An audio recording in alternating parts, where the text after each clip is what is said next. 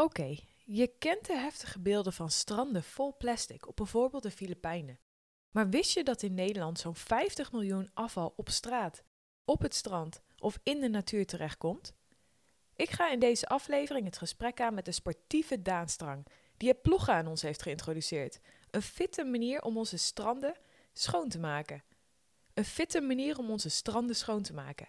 We praten over zijn reis naar een bewust en duurzaam leven, zijn vele initiatieven om deze wereld een mooiere plek te maken, waaronder de prestatie van het jaar: de hele Nederlandse kust schoonmaken in slechts 11 dagen. En dat deed hij met zijn mega beach clean-up genaamd The Wave. Wat voor gekke dingen heeft Daan allemaal gevonden? En hoe houdt hij zijn motivatie hoog om elke keer maar weer het strand opnieuw schoon te maken? Je hoort het in deze aflevering. Enjoy! She loves to travel drink beer in a clothes online and drive around her car. But with the looming climate crisis, the melting Arctic ices, all the plastic in the sea, got her thinking about sustainability. Test, test is sustainability. Woo! Nou Daan, ik denk dat we misschien wel het beste weer hebben uitgekozen om over het thema beach en, en zon en strand en natuur te praten. Dus, ehm, en ik zit hier op een heerlijke locatie. Ja, welkom. Dankjewel. Ik eh, vind het ontzettend leuk om, eh, om met je in gesprek te gaan. Ik heb je afgelopen zomer ook op de voet gevolgd. Dus ik ben heel erg benieuwd naar wat wij allemaal kunnen delen in deze aflevering. Daan, om te beginnen. Ja, je, zet je in voor het klimaat, een betere wereld. Waar is die drang voor jou begonnen? Ja, nou, ehm, eigenlijk toen ik eh, rond mijn dertigste eh besloot dat het voor mij beter was om een ander pad te kiezen dan wat ik op dat moment eh, mee bezig was, namelijk werken in corporate leven. Ik viel uit met een burn-out, mag je best weten, en kwam op een zijspoor terecht, ziektewet. En in die periode wandelde ik heel veel met mijn hond. En eh, was ik mezelf aan het leren om in het nu te leven. Dat was voor mij een grote uitdaging die ik meekreeg van mijn hulp. En eh, nou, mijn hond, die leeft altijd in het nu. Dus als ik de bal gooide, dan keek ik zo naar haar en dan sprong ze. En ik leerde mezelf steeds langer om naar haar te kijken. En dan genoot ik daarvan. En dan pakte ze dat op en dan rende ze terug. En dan merkte ik al hoe mijn hoofd afdwaalde. Nou, ik liep dan vaak op het strand. En op het strand, als mijn hoofd dan afdwaalde, keek ik om me heen. En dan zei ik tegen mezelf, nee Daan, blijf nou even in het nu.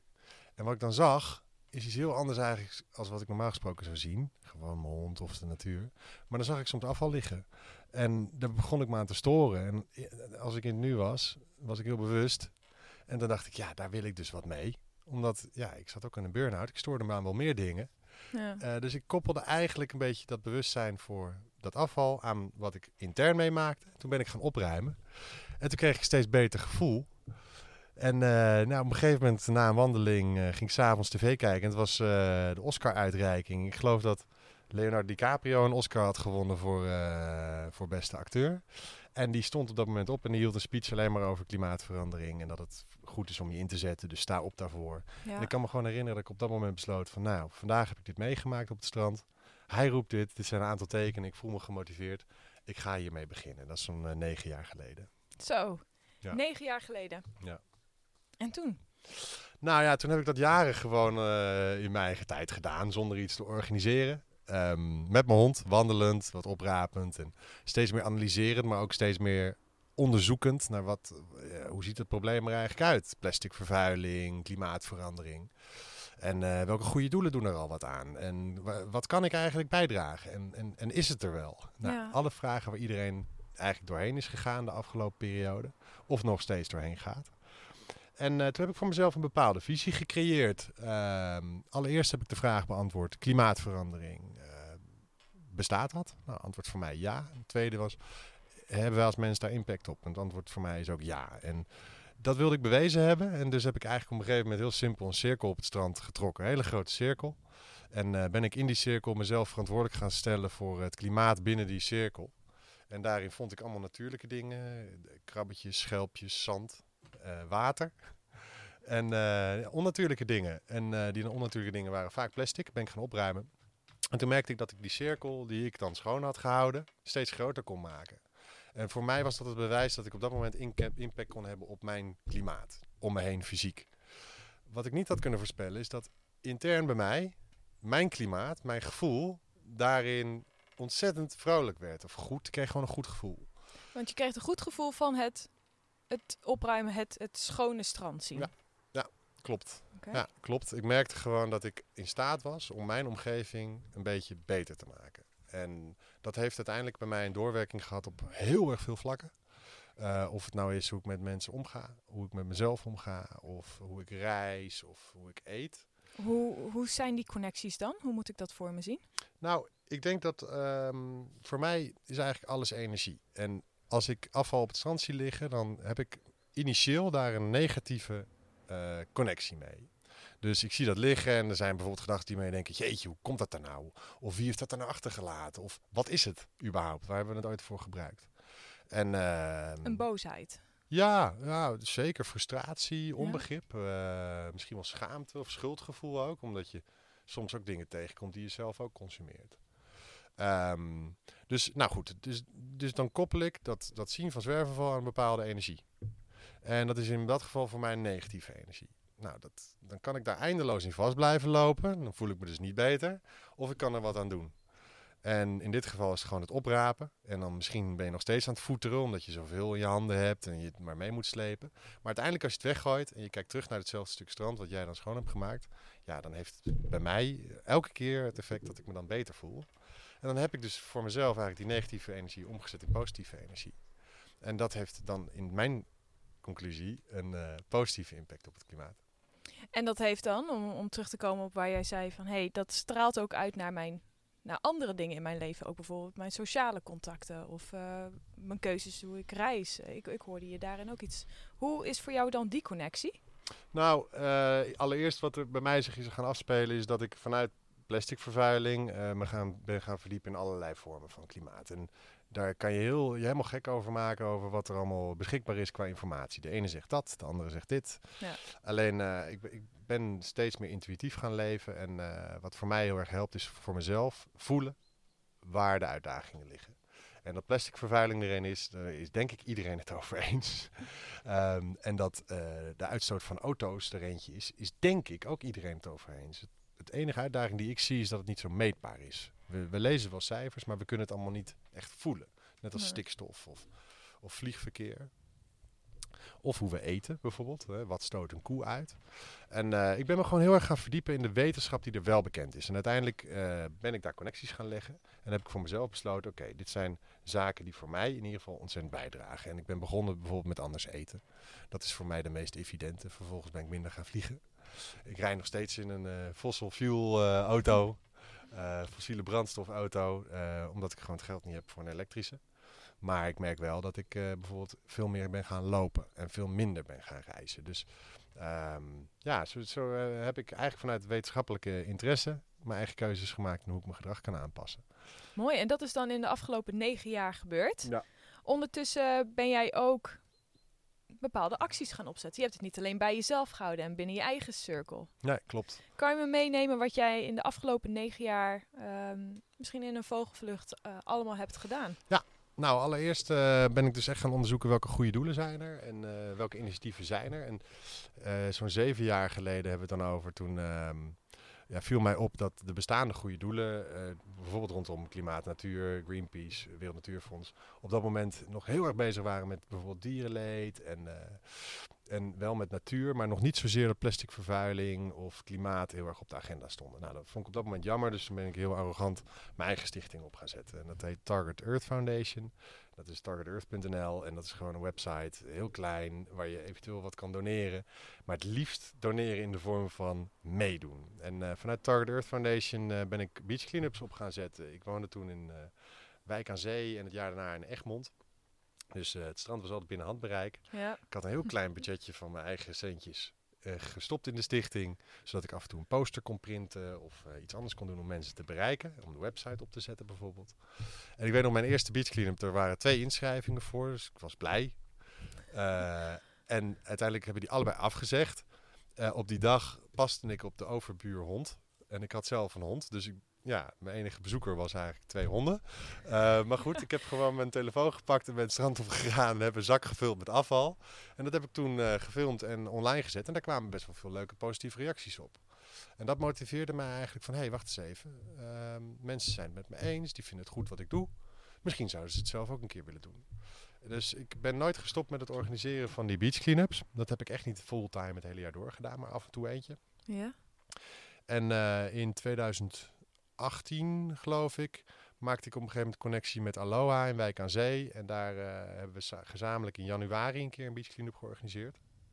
En toen leerde ik dat je als je samen gaat werken met eh, lokale bedrijven, eh, die al heel erg bekend zijn en wat het aantrekkelijk maakt om naartoe te komen, dat je meer mensen op je, op je, op je pad kan krijgen. Dus toen hadden we in één keer 150 deelnemers en raapten we iets van 300 kilo afval op en zag je het strand echt schoner worden. En dat is dan echt een hele dag? Nee, het was een paar uur. Oké. Ja, in de ochtend verzamelen en dan kregen mensen een eh, gratis kop chocomel bijvoorbeeld.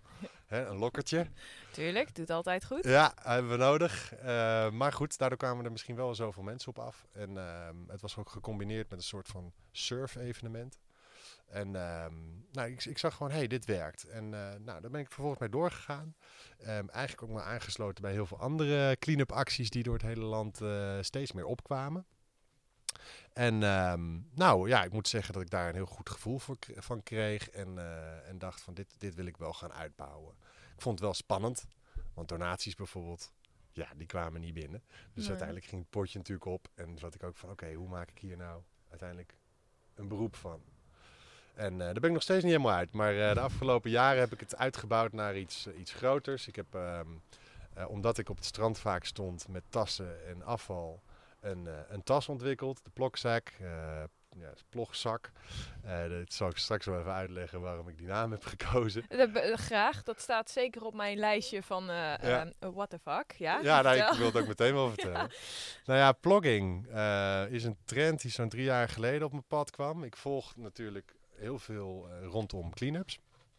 En ehm, ja, plogging is eigenlijk iets wat uit Zweden kwam. Het staat voor plogga, plocka oep, dat is oprapen in het Zweeds. En jogging, eh, dat is jogga in het Zweeds. En daar maakte Erik Alstroom eh plogga van. En plogga, dat is dus ja, plastic oprapen terwijl je gaat joggen. Nou, toen kwam er een Engelsman en die heeft daar plogging van gemaakt. Dat vond ik al wat cooler. Ehm, en een Nederlander die maakte daar ploggen van. Nou, ik dacht, jeetje, ploggen, plogging, klinkt niet echt sexy. Eh, maar dat had ik ook bij het woord selfie. Ben ik gaan onderzoeken. En er kwamen heel veel Instagram-profielen, Facebook-profielen, websites boven van individuelen die gingen ploggen. Dat is dus joggen met zwerven voor oprapen. Maar ik zag ook heel veel potentie van, wacht eens even, het kan ook gewoon sporten zijn. En, Ja. Of bewegen en zwerven voor oprapen. Misschien is het gewoon wel een beach clean-up. En eh, toen heb ik het maar omarmd en toen kwam al vrij snel het idee van de plokzak. Gewoon een, een duurzame afvalzak die je eigenlijk vrij eenvoudig eh, om je lichaam kan hangen, waardoor je je handen vrij hebt en veel oefeningen kunt doen. En daar heb ik een eerste prototype van ontwikkeld. Eigenlijk in de vorm van een rugzak, eh, zoals we hem allemaal kennen. Eh, met een harnas en een zak achterop. Maar dan zat er in de rugzak een plokzak, een duurzame afvalzak, die je dan aan je harnas kan monteren, waardoor je ja, stretchoefeningen, buigoefeningen kan doen met je handen vrij. En dan vul je hem via een gat wat bovenin zit en onderin zit een rits en dan kan je hem weer legen. En dan heb je niet die geur in je Nee. gezicht ook van nou het ja, als je, als je volle blikjes Red Bull eh, in je tas gooit, dan ga je dat uiteraard ruiken. Eh, maar dan zou ik hem niet onder je neus hangen. Nee. Eh, maar het idee is wel ook, ik zie gewoon tijdens clean-ups iedereen werken met plastic zakken, vuilniszakken. En eigenlijk begin je dan een clean-up met het investeren van heel veel plastic, om vervolgens plastic op te ruimen. Ja, Ja. Het komt, ook al is het gerecycled plastic of niet, dat lijkt mij ook niet de meest duurzame manier. Dus ik dacht, nou laat ik gewoon maar eens een product op de markt brengen en kijken wat de reacties zijn. Wat tof. En ik heb in Nederland wel het idee van wij hebben het hier best wel goed voor elkaar. eh, wat betreft eh, afval. Is, er inderdaad echt sprake van veel afval, ook op de stranden? Ja, heel veel. En wat je zegt is, we hebben het goed voor elkaar eh, eens. Er, wordt, er zijn ontzettend veel goede opruiminitiatieven langs de kust. Ik bedoel, strandexploitanten, gemeentes, beachclean machines. Eh we ruimen heel veel op. En ehm, onderzoek toont aan dat dat minder zou worden de afgelopen 20 jaar. Wat wij vinden op het strand. Eh, nou, daar kan je een feestje om vieren. Ik probeer daar een beetje terughoudend in te zijn, want onderzoek wijst ook uit dat er in de oceaan elk jaar 8 miljoen ton eh, plastic bij komt. Bizar. Ja, is 8 miljard kilo, hè? 8 miljoen ton. Er ligt al 150 miljoen ton geschat in alle oceanen in de wereld. Dat is 150 miljard kilo. Ehm, maar goed, er zijn ook 8 miljard mensen. Dus ik probeer dan altijd even een berekening op los te laten. Blijft het belangrijk dat mensen dingen oppakken? Ja. Waarom? Elke 8 uur, eh, ongeveer eh 6, 8 uur veranderen de getijden. Komt er hoogtij, laagtij. Soms waait het hard, soms waait het niet hard. En één ding is zeker, met elke getijde komt er nieuw plastic binnendrijven. Eén ding is ook zeker, is dat zeg maar één keer per dag komen die schoonmaakdiensten langs. Vaak 's ochtends vroeg. Dus opruimacties, overdag of 's avonds, die dragen enorm bij aan het extra oppakken van dat oceaanplastic. En eh, ja, dus eh, in Nederland hebben we het aardig goed voor elkaar als je ziet hoeveel opruimacties er zijn. Ook qua ehm, recycling en qua afvalverwerking zijn we echt heel ver. Eh, overigens zie ik daar nog wel verbeteringsmogelijkheden, uitdagingen. Ehm, ook qua educatie van mensen bijvoorbeeld. Zoals? Nou, kijk, langs het strand bijvoorbeeld, we hebben niet zo'n heel groot land hè, Nederland. Ik heb de kust nu twee keer helemaal afgelopen. 260 kilometer van Den Helder naar eh, Katzand bijvoorbeeld. Waar En, we zo eh, zeker nog even op ingaan. ja, hè? leuk. Ja, ja super mooi avontuur. Maar ehm, het, het strand is niet zo heel lang en niet zo heel groot. Maar toch hebben we per gemeente ander beleid als het gaat om afval. Dus er zijn andere bakken, er staan andere instructies. Soms zijn het plastic bakken, soms zijn het afvalbakken. En er zijn andere verantwoordelijkheden. Dus een strandexploitant is verantwoordelijk of een strandpaviljoen is verantwoordelijk. Terwijl ik zoiets heb van, nou ja, als je eh, eenduidig beleid wil geven aan mensen, wordt het wat transparanter, misschien wat makkelijker en, Ja. en eenvoudiger uitvoerbaar. En dat geldt eigenlijk ook voor alle dorpen en steden. Ja, je, want je praat hier over een, ehm, over een eenduidig beleid. Hè, dat dat nou echt een pijnpunt is en dat er veel verschillen zijn. Dan ben ik eigenlijk wel heel erg benieuwd. Hoe zie jij het nu? Je hebt een hoop afval gezien. Je Ja. hebt een hoop afval opgeraapt. Bij wie ligt de verantwoordelijkheid in jouw ogen? Als je het hebt over het afval. Is dat de producent van de producten? Is dat de overheid voor onder andere het opruimen van? Of is dat de consument voor het en het weggooien niet op de juiste manier? Slash de consument voor het oprapen daarvan. Ja, ik, ik- probeer eh, in mijn eh, laatste tien jaar zoveel mogelijk weg te blijven uit hokjes denken. En Dus Mhm. het is heel flauw misschien. Maar iedere, iedereen die bij de overheid werkt, eh, die is ook een consument. En iedere consument die vindt weer wat van de overheid en is, werkt misschien wel voor een producent. Ik, ehm, ik zet mij met mijn projecten eigenlijk in alleen maar rondom bewustwording. En dat geldt op alle vlakken. Uiteindelijk eh, mag dat zijn doorwerking hebben in ieder individu.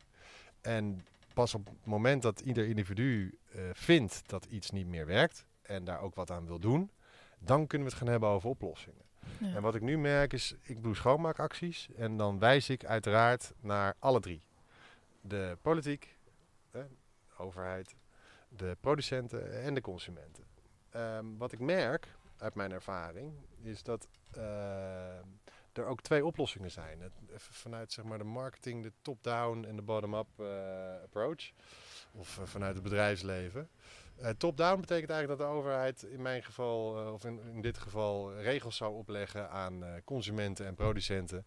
Zodat we andere verpakkingen zouden hebben. En hartstikke goed. Nou, bottom-up betekent eigenlijk dat consumenten gaan aangeven: hé, hey, we trekken het niet meer, deze verpakkingen. Producenten, doe dat alsjeblieft. En dat overheid. Maar wat, wat ik zie, is dat ja, producenten, dus bedrijven en overheden, die hebben ook een belang met elkaar. Namelijk dat er een bepaalde financiële stroom door het, door het land heen stroomt. Ja. En die betalen belastingen, die betalen de wegen, die betalen de salaris, et cetera. Dus ehm, daar is een hele industrie aan de onderkant die al jarenlang, decennia lang, eh, geld verdient met grondstoffenhandel. En die willen eigenlijk hun, hun, hun omzetten niet zien halveren, maar die willen hem altijd zien groeien. Nou, dat is ook een stukje bewustwording. Waarom zijn we met z'n allen altijd op zoek naar groei? Nou, daar hoeven we het verder niet eh, over te hebben. Dat zit gewoon in ons. Kunnen we er ook Ja. niet zo makkelijk uithalen.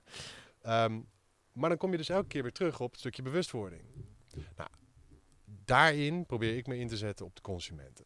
Want uiteindelijk zijn dat de mensen die in de supermarkt dingen gaan kopen. En eh, dan heb je het dus over de bottom-up approach. Op het moment dat wij eh, anders gaan kopen, dan geeft dat een signaal naar bedrijven om anders te gaan produceren. En als we tegelijkertijd schreeuwen van jongens, kijk nou eens hoeveel schade dit aanbrengt. En mensen bewust kunnen maken dat een product gewoon slecht is voor onze algemene gezondheid. Niet alleen is onszelf, maar gewoon ook voor de natuur. Dan is er op een gegeven moment ja, wat ik noem een break-even point van acceptatie. Dan accepteren we het gewoon niet meer. En dan komt niet zo'n bedrijf meteen in actie, maar vaak komt dan in één keer de overheid in actie en dan weer een bedrijf. En het is altijd een, een driehoekswerking. Maar eh, ze zijn alle drie eh, even verantwoordelijk, vind ik. Ja, mooi.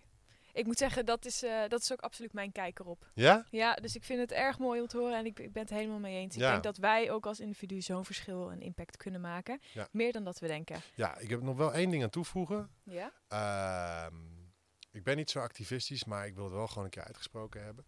Als we de snelle oplossing zouden willen hebben, hè, want bottom-up duurt lang, top-down duurt kort. Snelle oplossing, dan ligt de meeste macht om hier verandering in te maken bij de overheid en bedrijfsleven. Ja. Preach. Ja. Helemaal mee eens. Ja.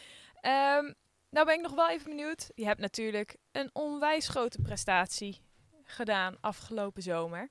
Dank je.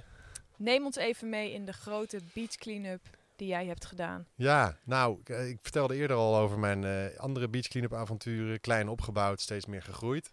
Allereerst vorig jaar, 2020, liep ik tij- na een storm op het strand eh, in coronatijd. Iedereen was net in quarantaine geplaatst. Ik denk dat het eh, juni was of zo.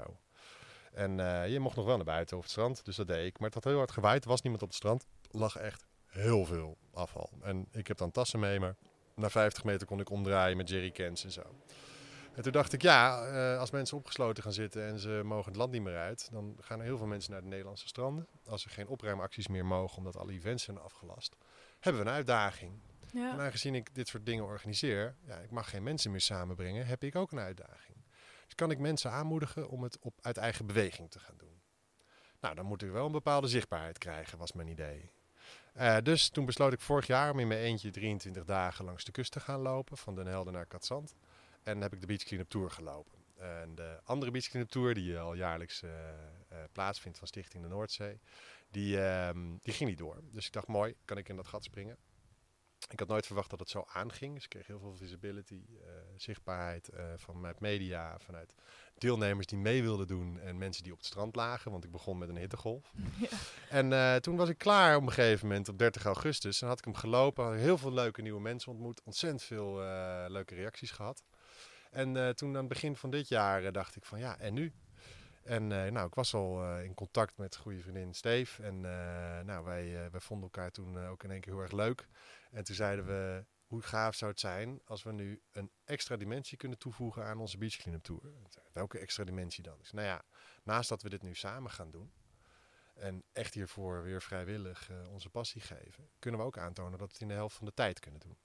Dus eh, wat we hebben gedaan is, eh, eerst hebben we in mei zes warm-up etappes gedaan om mensen weer even warm te maken voor jongens, de zomer komt te gaan, strand weer, we gaan met z'n allen naar buiten en wat dingen oprapen. ja. En daar deden al meer dan 200 man aan mee. Wauw. dus dat was... Wat een verschil met de twee honden twee waar je mee startte. ja, ja, ja, het- de honden rapen zeker ook minder op dan mensen. Ja. Dus die waren heel welkom.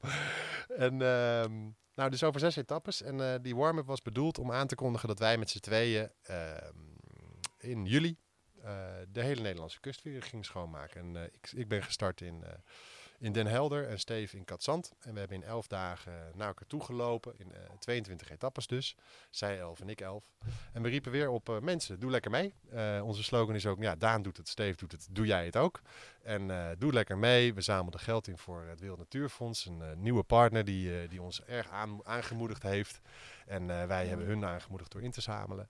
En ehm, ja, mijn concept daarin vorig jaar en dit jaar is ook dat het een open platform is. Waarbij ik ja, de deur heb geopend voor iedereen die iets commercieels of, of iets bewusts wil roepen. Eh, dus bijvoorbeeld een, een duurzaam initiatief die kon eh, meelopen op het strand en zijn vlag in de lucht hangen. Of een afvalverwerker die kon met ons meedoen om een beetje visibility te creëren en daarmee een soort marketingactie. Ja, slim. Mocht ook commercieel. En ehm, nou, wij reden dit jaar bijvoorbeeld ook allebei in elektrische auto's, gesponsord door eh, de Hyundai, die, die ons allebei met stickers op de, ja, op de auto heeft verwend met zo'n eh, ding, zodat we zo duurzaam mogelijk konden reizen. En het is allemaal best wel gegroeid. Wat gaaf. Weer veel media-aandacht. 355 mensen weer meegedaan in juli. Het was wel slechter weer, dus helaas wat lege stranden. En eh, ruim 1500 kilo aan eh, ja, klein zwerfafval, oceaanplastic. 1500 kilo, allemachtig. Ja, wat, wat, wat is het meest voorkomende afval wat je tegenkomt? op het strand, Ja? vispluis. Ja, hoef ik niet over na te denken. Wat, wat is dat? Nou, vispluis is een verzamelnaam voor, eh, ja, misschien eh, als je op het strand loopt, kijk er eens naar of je het kan vinden. Het zijn kleine blauwe, oranje, groene touwtjes die van plastic gemaakt zijn, die voorheen onderdeel waren van visnetten. Eh, visnetten valt er wat mij betreft ook onder, dus visnetten en vispluis. ja. Nou, visnetten kenmerken zich vaak door, eh, door grote groene netten. Dat, die zitten aan elkaar gevlochten, die raken los.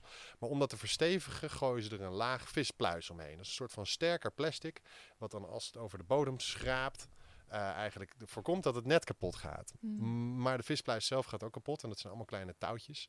En dat vind je overal. Dat vind je, soms vind je hele, hele plukken. Eh, soms vind je kilo's, kilo's helemaal vol met zand en met, eh, met organisch afval. En soms vind je dieren die erin verstrengeld zitten. Maar dat vind je in de Nederlandse kust het meest. En dat komt eigenlijk omdat er nog steeds heel veel gevist wordt in de Noordzee. De meeste landen die een kustlijn hebben, die zien ook dat het lokale afval weer bij hen komt aandrijven. Dus in Indonesië komt er heel wat anders aandrijven dan in Nederland. En op twee staat eh, peuken. Hmm. Peuken, ja.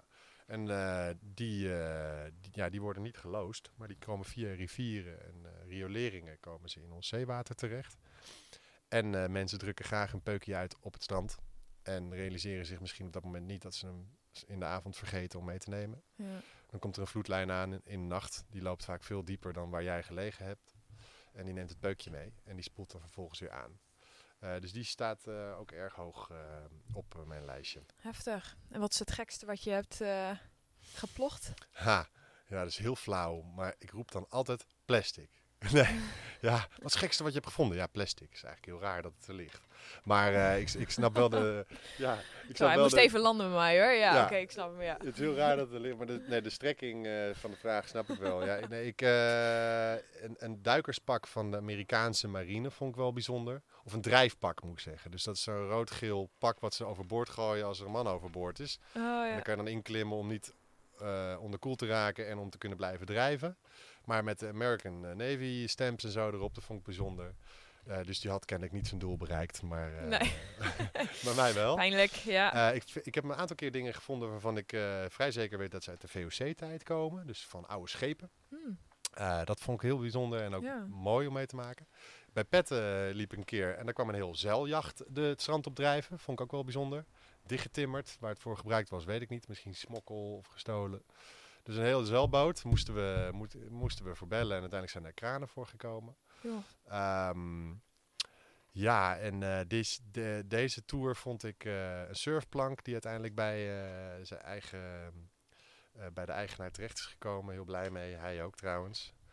Want ik zei al van toen we hem vonden van eerst kijken of de, of de surfer nog in het water ligt. En zo niet, gaan we hem proberen te bereiken. Dat is gelukt. Mooi. En ik vond een waaier, ik denk van een cruiseschip of zo. Er stond Barcelona op. En die was voor mij heel bijzonder. Ik heb hem uiteindelijk aan Steve cadeau gegeven. Want het is mijn droom zeg maar, om, eh, om een keer eh, in Spanje bijvoorbeeld zo'n eh, zo'n tour te doen. En Barcelona staat daarin best wel hoog op mijn agenda. Dus als ik die waaier vond met Barcelona... Symbolisch. Symbolisch. Heel symbolisch. Ja. Mooi hoor.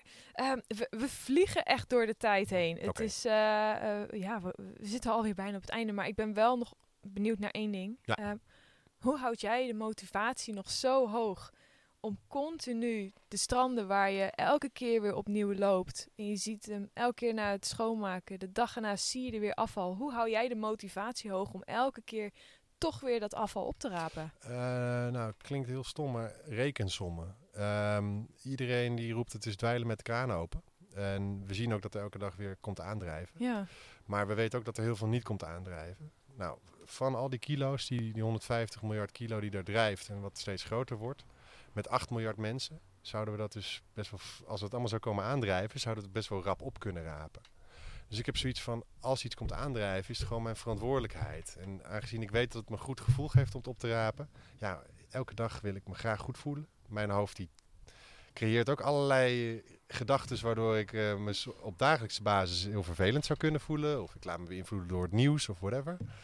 Eh, ik wil me gewoon elke dag goed voelen. En zwerven opruimen, daar krijg ik een goed gevoel van. Dus dat is voor mij eigenlijk wel voldoende motivatie om dat gewoon te blijven doen. Ja, mooi. En eh, tegelijkertijd merk ik dat, eh, ja, ik word er gewoon heel vrolijk van als, als mensen zich geïnspireerd voelen. En er zijn zoveel mensen.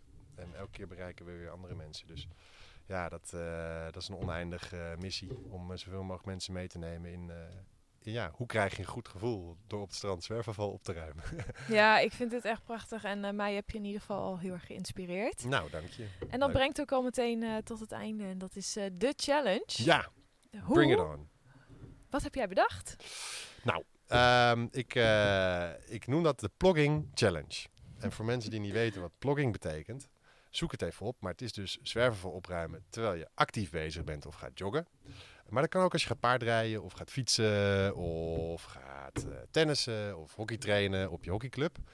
Mijn ervaring is dat overal wel zwerfafval ligt. En als je het niet 1, 2, 3 ziet liggen, kijk in een bosje. Buk dan een paar keer en merk hoe je al bezig bent met een soort van fitnessoefeningen. Want ook bukken kan je op heel veel verschillende manieren doen. Je kan helemaal door je rug, dat is niet heel verantwoordelijk, maar je kan ook een squat doen of een lunge. Als je Ja. niet weet wat dat is, zoek het ook even op. Het zijn gewoon fitnessoefeningen. Maar ik daag iedereen uit ehm, die dit hoort om ehm, ja, in beweging te komen op je eigen manier. Eh, maar wel met één focus, een kwartier of een half uur lang, zwerfafval opruimen. En hoe sportiever je het maakt, hoe meer fun je het maakt, hoe socialer je het maakt, hoe meer het zal blijven hangen. En noem dat dan de Plogging Challenge. Ik daag jou uit om een half uur zwerfafval op te ruimen terwijl je gaat ploggen. Dat is, dat is wat, waar ik iedereen voor wil uitdagen. Nou, top. Ik, eh, we zeiden het al een beetje in de voorbespreking. Ik heb geen idee waar ik zit als deze aflevering eh, live staat. ja, jij gaat lekker reizen. Maar ongetwijfeld eh, dat ik bij een, een strandgebied ben. Dus, en als dat niet zo is, nou dan ongetwijfeld dat daar ook wel mogelijkheden zijn. Dus Ja. dit is ook een hele mooie voor mij on the go. Ja. Daan, ik wil je bedanken. Ja, graag gedaan. En eh, ja, keep up the amazing work. Nou ja, en jij de ook. gaten. Jij Ja. ook. Een zeer inspirerende podcast. Dus, eh, Dankjewel. dankjewel. Test, test is sustainability. Woo! Woehoe! Samen hebben we weer een stap in de groene richting gezet. Jij topper. Ik hoop dat je net als ik geïnspireerd voelt naar deze aflevering. En wat neem jij vooral mee? Laat het mij weten via Instagram @test2sustainability of deel het in de reviews op Apple Podcast. Oh, en ehm, help je mij mee de duurzame vreugde te verspreiden in Nederland? Deel dan deze aflevering op Instagram en vergeet mij niet te taggen. En als laatste, heb jij tips, tricks of feedback voor mij? Laat het mij ook vooral weten. Tot de volgende aflevering.